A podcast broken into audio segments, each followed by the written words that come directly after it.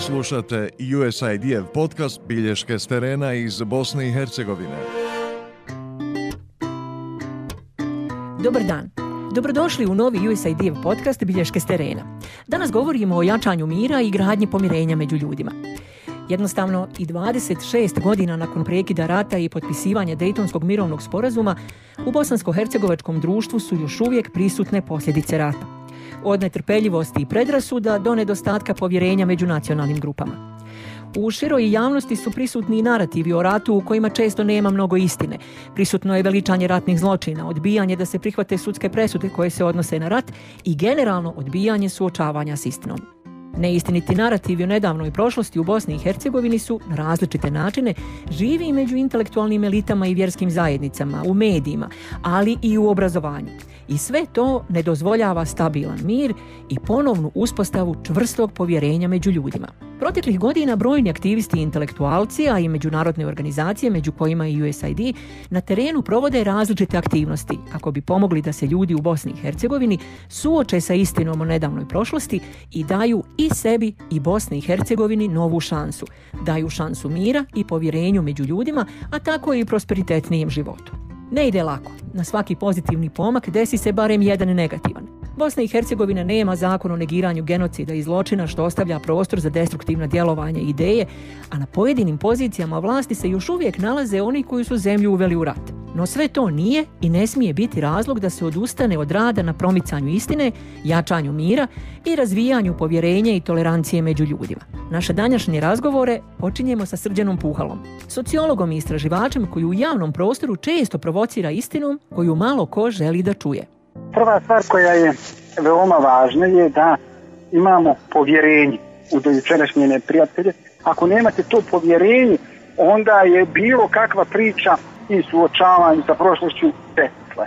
Druga stvar koja je tu veoma važna je prosto da se da shvatimo da je stao rat i da je vrijeme da se počne govoriti o posljedicama tog rata, odnosno da, da, da e, od, to bude posao ne samo nevladnog sektora, nego zvaničnih institucija sistema. I ja mislim da mi tu imamo problem, jer institucije sistema na bilo kojem nivou u Bosni i Hercegovini ne rade e, taj posao. Ni što se tiče sticana povjerenja, ni što se tiče rada na pomirenju. E, evo vam jedan najbanalniji primjer. Znači, u Bosni i Hercegovini još uvijek ne postoji zajednički pisak žrtava rata. Zašto? Pa zato što se e, žrtvama najlakše manipulišćaju ne samo brojevima ljudi, znači koliko je ljudi poginulo, koliko je borata, koliko je civila, već i njihovim sudbinama, njihovim ličnim pričama, gdje, gdje je cilj da sebe prikažete kao žrtvu, a ove druge da prikažete kao strašne zločince. Bez istine nema pomirenja. Slušate USAID podcast Bilješke s terena u Bosni i Hercegovini s Rubinom Čengić. Druga stvar koja je tu veoma važna, a to je, ajde da kažem, neka kazna A to znači da ovi ljudi koji su počinjeli bilo kakvu vrstu zločine ili najveći broj njih odgovaraju e, za to. I opet ne možemo da dođemo do zajedničkog nekog imenioca, a to je da su ljudi koji su počinjeli zločin, zločinci bez obzira čiji su. Treća stvar, nešto što bi bilo to bi bilo neka satisfakcija žrtvama. Ne mora to biti samo materijalna, znači obeštećenje za ubijene, za srušeno, za opljačkano, već i moralna satisfakcija da prihvatite njih kao žrtve, da im odajete onu počak koju oni zaslužuju, a i na kraju ima nešto što se zove odustajanje od osvete, odustajanje od, ajde kažem, nekih budućih sukova. To bi trebalo da bude kruna čitavog ovoga procesa. Mi danas živimo u Bosni i Hercegovini spremujući za neki prvići rat. I dok jedni i drugi kažu da je ovo samo prvo polovrijeme i svi čekaju neko drugo polovrijeme da završe, završe tu priču. Naravno, e, niko to neće javno reći da je za, za rat, nego je to neka stvaranje jedne klime gdje ne smijete da se opustite, gdje ne smijete da, da budete individual, jer jedino vam kolektiv daje sigurnost da ćete opustiti, gdje ne smijete da propitujete svoje nestaštuke jer tako slabite e, svoju etničku grupu gdje ne smijete da stvarate prijateljstva s ovim drugim jer isto to je opasno koji za to krije. Cilj je čisti.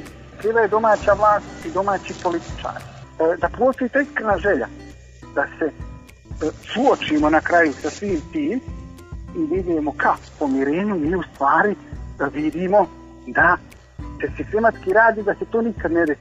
Ali ko to radi? To radi domaći političari koji su na vlasti. I tu prvenstveno mislim znači i na Bošnjake, i na Hrvatske, i na Srbe. Oni su ti koji s jedne strane manipulišu sasvim jer na taj način čini mi se veoma lako vladaju tim strahom, tom podijeljenošću. A s druge strane imamo političke partije koje imaju agendu rasturanja ove, ove države.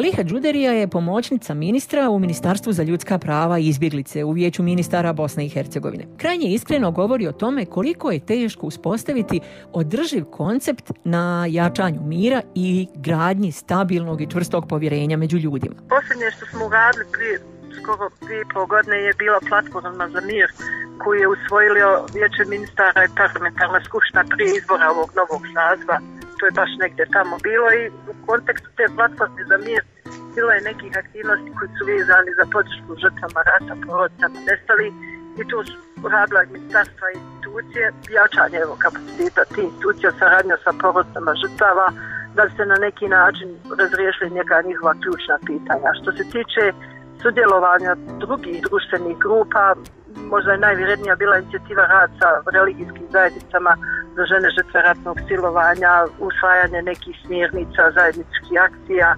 Eto, to su neke stvari koje su do duše sve to godina, godina i po prije ove korone, skoro dvije godine.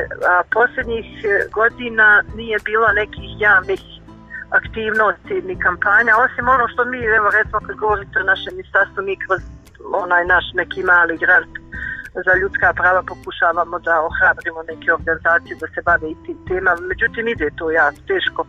Baš ne vole ljudi da se vraćaju i u prošlost i da se bave ratnim temama, osim kad je to u pitanju, hajmo reći, neki vid ovaj, političkog zagovaranja za neka druga pitanja, iznimno politička. Ali realno, mi poslije onog ranijeg Green projekta strategija tranzicijske pravde nismo imali jedan tako globalno i ove platforme za mir, jedan jak i globalni koncept koji bi se institucionalizirao i na taj način da trajno mi govorimo o problema koji se tiču tranzicijskog procesa pomirenja i jačanje tolerancije među ljudima.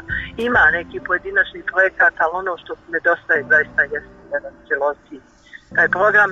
Ja nisam sigurna koliko u ovom momentu ove, ove, ove aktuelne političke ovaj, stranke koje zapravo sjede, evo recimo za vječe ministara, se bave ovom temom. Možda ovaj, u, u narednom periodu bude, obzirom da je u izvještaju Evropske komisije jasno naglašeno da se institucije vlasti moraju baviti ovom temom. Ima i oni koji su zaista protivnici ovaj, da se neko iskreno bavi tema. Ima oni koji apsolutno ne poznaju i ne, ne, ne razumiju zašto je važno da se riješimo tog balasta prošlosti i jednostavno smatraju poznatno navda da bi to bilo e, gubljenje vremena, odnosno da na taj način se ništa značajno neće promijeniti, jer ne razumiju da je zapravo izgradnja ovaj tog mira i taj, taj proces ovaj jedna, jedna trajna komponenta s kojom se neko mora ovaj trajno baviti i mora istinalno baviti.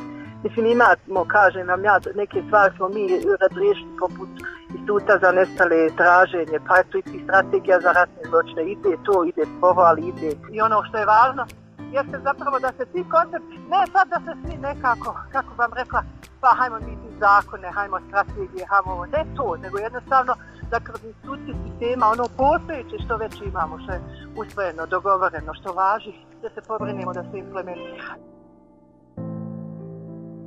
Institut za razvoj mladih kult u partnerstvu sa katoličkim servisom za izbjeglice, a uz USAID-evu podršku, realizuje projekat Pro budućnost, u okviru kog nevladinim organizacijama, lokalnim zajednicama i neformalnim grupama dodjeljuju grantove za različite aktivnosti na terenu. Grant menadžerica Emina Trnka kaže da je cilj u zajednički rad uključiti što više različitih aktera. Najveći broj zapravo naših korisnika su upravo neformalne grupe mladih, organizacije mladih, te također organizacije civilnog društva i udruženje žrtava rata. Preko stotinu projekata koji su financirani sredstava u probudućnosti uspješno provedeno ili se provodi na nivou lokalnih zajednica. Ono što je svima zajedničko jeste zapravo da sve te, sve ti projekti uključuju pripadnike različitih etničkih grupa, bilo da je riječ o edukativnim, ne znam, kulturnim, ekološkim, sportskim ili nekim drugim aktivnostima, da im tako pomažu da se zbliže i da prepoznaju svoje zajedničke interese i potrebe na koji mogu raditi i nakon završetka projekta. U manjim lokalnim zajednicama jako često kada izađemo na teren vidimo da se mladi ljudi prvi put susretnu s mogućnošću da posjeti sakra sakralni objekat koji nije iz e, dijapazone njihove etničke skupine i obično se oduševe i prepoznaju neke sličnosti. Ponekad imamo, ja ću uslovno reći, male, e, male inicijative u lokalnim zajednicama gdje mladi postave neke klupe, ukrase neki park, ofarbaju, ne znam, e, ofarbaju neko dječje igralište i slično sve to nešto što ostaje kao u konačnici i nakon realizacije njihovog projekta, uh, ali ipak mislim da je najjača komponenta svakako ovo povezivanje i izbližavanje. Zašto to govorim? Zato što, evo, dok razgovaramo, konkretno mi pada na pamet, uh, mi pada na pamet nekoliko organizacija koje su i nakon završetka projekta malog granta pro budućnost uh, ostale u kontaktu i rade druge aktivnosti zajedno. Pa tako, na primjer, Udruženje žena iz Banja Luke ostalo je u kontaktu sa ženama, Udruženjem žena Most iz Jablanice, ne znam, imamo inicijativu građana i građanki iz Mostara koji radi različite druge stvari danas sa udruženjem žena Hercegovke.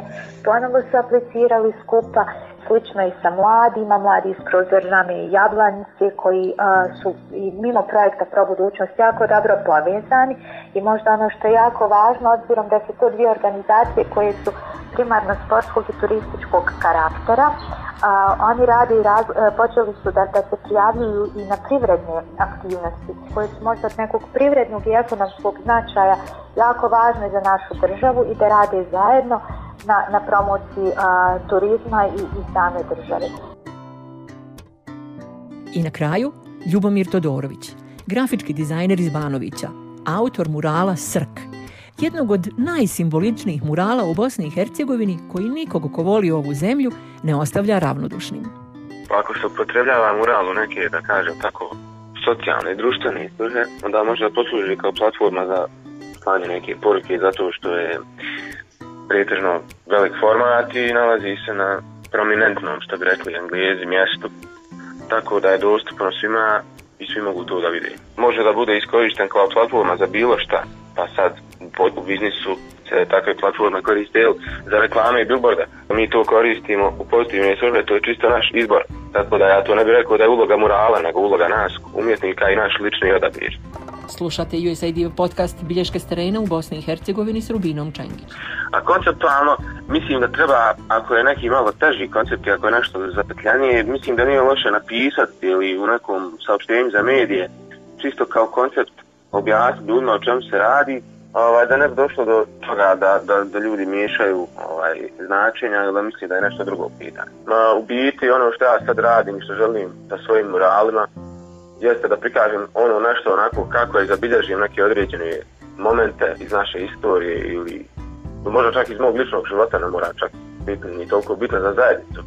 Ovaj, čisto da se ne bi izgubili na jednoj platformi koja je tako vidljiva i dominantna. Onaj, a mislim da generalno ko proizvodi umetnost i ko proizvodi kulturu, teško da ima vremena za nešto drugo. U smislu, kultura i umetnost su stvari koje su lijepe i koje bogate a, naše neke emotivne strane. Tako da nemamo vremena da se svađamo i da se razjedinjujemo. Hoću da kažem, kultura je sama od sebe ono što nas spaje, ono što nas jedini. A prije nego se rastanemo, evo još jedne poruke srđana puhala. Onoga trenutka kada to suočavanje sa prošlošću uđe u institucije sistema, u škole, na univerzitete, u, u javne ustanove, onda možemo reći da smo nešto napravili. I za kraj da podsjetimo. Američka agencija za međunarodni razvoj predvodi napore američke vlade da se zaustavi ekstremno siromaštvo i promoviraju stabilna demokratska društva. 2021. godine USAID i Bosna i Hercegovina obilježavaju 25 godina partnerstva, a do danas je američka vlada, prvenstveno putem USAID-a, obezbijedila pomoć od 2 milijarde dolara za podršku ekonomskom, demokratskom i socijalnom napretku Bosne i Hercegovine. Muzika Bilo je ovo sve za ovaj podcast. Čekajte nas i mi ćemo ponovo doći, samo s novim temama i novim zanimljivim sagovornicima. Hvala što ste bili s nama.